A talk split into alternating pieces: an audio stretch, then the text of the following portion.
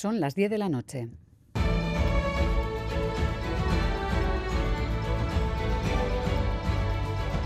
Radio Euskadi y Radio Vitoria. Servicios informativos.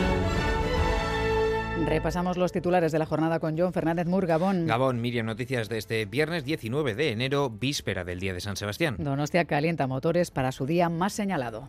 El día favorito del año, sin ninguna duda, he venido desde Madrid y aquí que voy a darlo todo. No me pierdo nunca este día.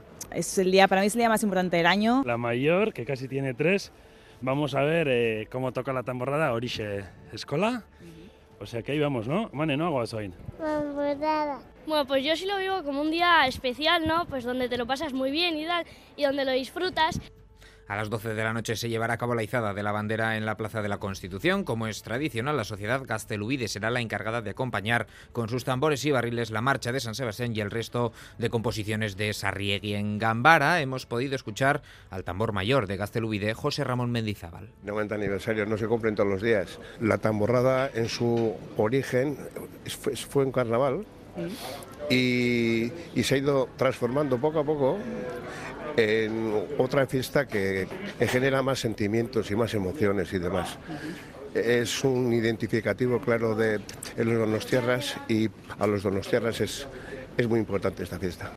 En página política, la legislatura en Euskadi está ya en su recta final, pero hoy hemos conocido un acuerdo de gran alcance. La ley de transición energética y cambio climático se aprobará con el apoyo de los tres principales partidos, PNV, PSE y EH Bildu. Una imagen de pacto y sintonía que los tres partidos han querido resaltar llevando a cabo además una comparecencia conjunta. La consejera de Medio Ambiente, Arancha Tapia, ha señalado aquí en Radio Euskadi que han logrado dejar a un lado los intereses electorales era un texto que pretendía ser realista y pretendía buscar esos acuerdos y buscar la forma de conseguir un, ámbito de trabajo que creo que todos hemos alzado un poco la mira del ámbito electoral y hemos buscado la mejor ley para el futuro de este país.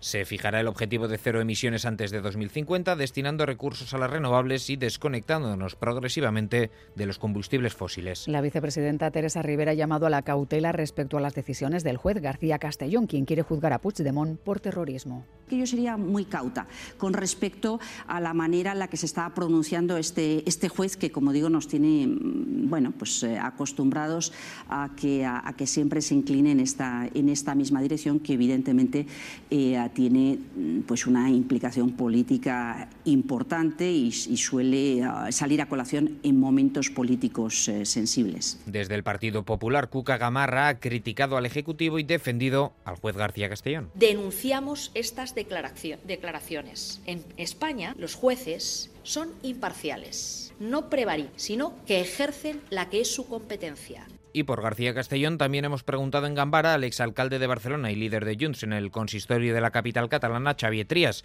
uno de los afectados por la Operación Cataluña. Yo creo que la ministra tiene toda la razón. Este señor pues es un señor que actúa bajo criterios políticos y esto es así.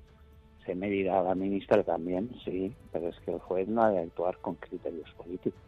A su juicio, además, la Operación Cataluña contra el independentismo logró bastante bien sus objetivos y cree que no hay reparación posible. No se podrá pescar en las aguas francesas del Golfo de Vizcaya durante un mes. Las autoridades galas han tomado la decisión para proteger a los delfines en su época de apareamiento. Se calcula que los pescadores franceses recibirán ayudas por valor del 80% de las pérdidas. El gobierno español, para poder compensar a los arranzales, también va a prohibir la pesca en esas mismas aguas. Los pescadores, eso sí, lamentan que solo se les asegure el 25% de las pérdidas. Miquel Ortiz es el gerente de la flota de altura de Ondarroa ha tomado la misma decisión de aprobar la, la, prohibición de Francia para poder garantizar a la flota española que podamos tener acceso a las ayudas por paralización de flota, que no dejan de ser las ayudas estipuladas por, con fondos europeos, con, con FEMPA, pero que no cubren ni el 25% de lo que podemos eh, facturar en estas cuatro semanas. Así los arranzales dejarán de acudir a los caladeros de merluza, rapeo gallo, por lo que se reducirá la oferta, dicen, y eh, subirán los precios. Así terminamos. Más noticias en una hora y en todo momento en itv.es y en la aplicación ITV Albisteac. Gero arte.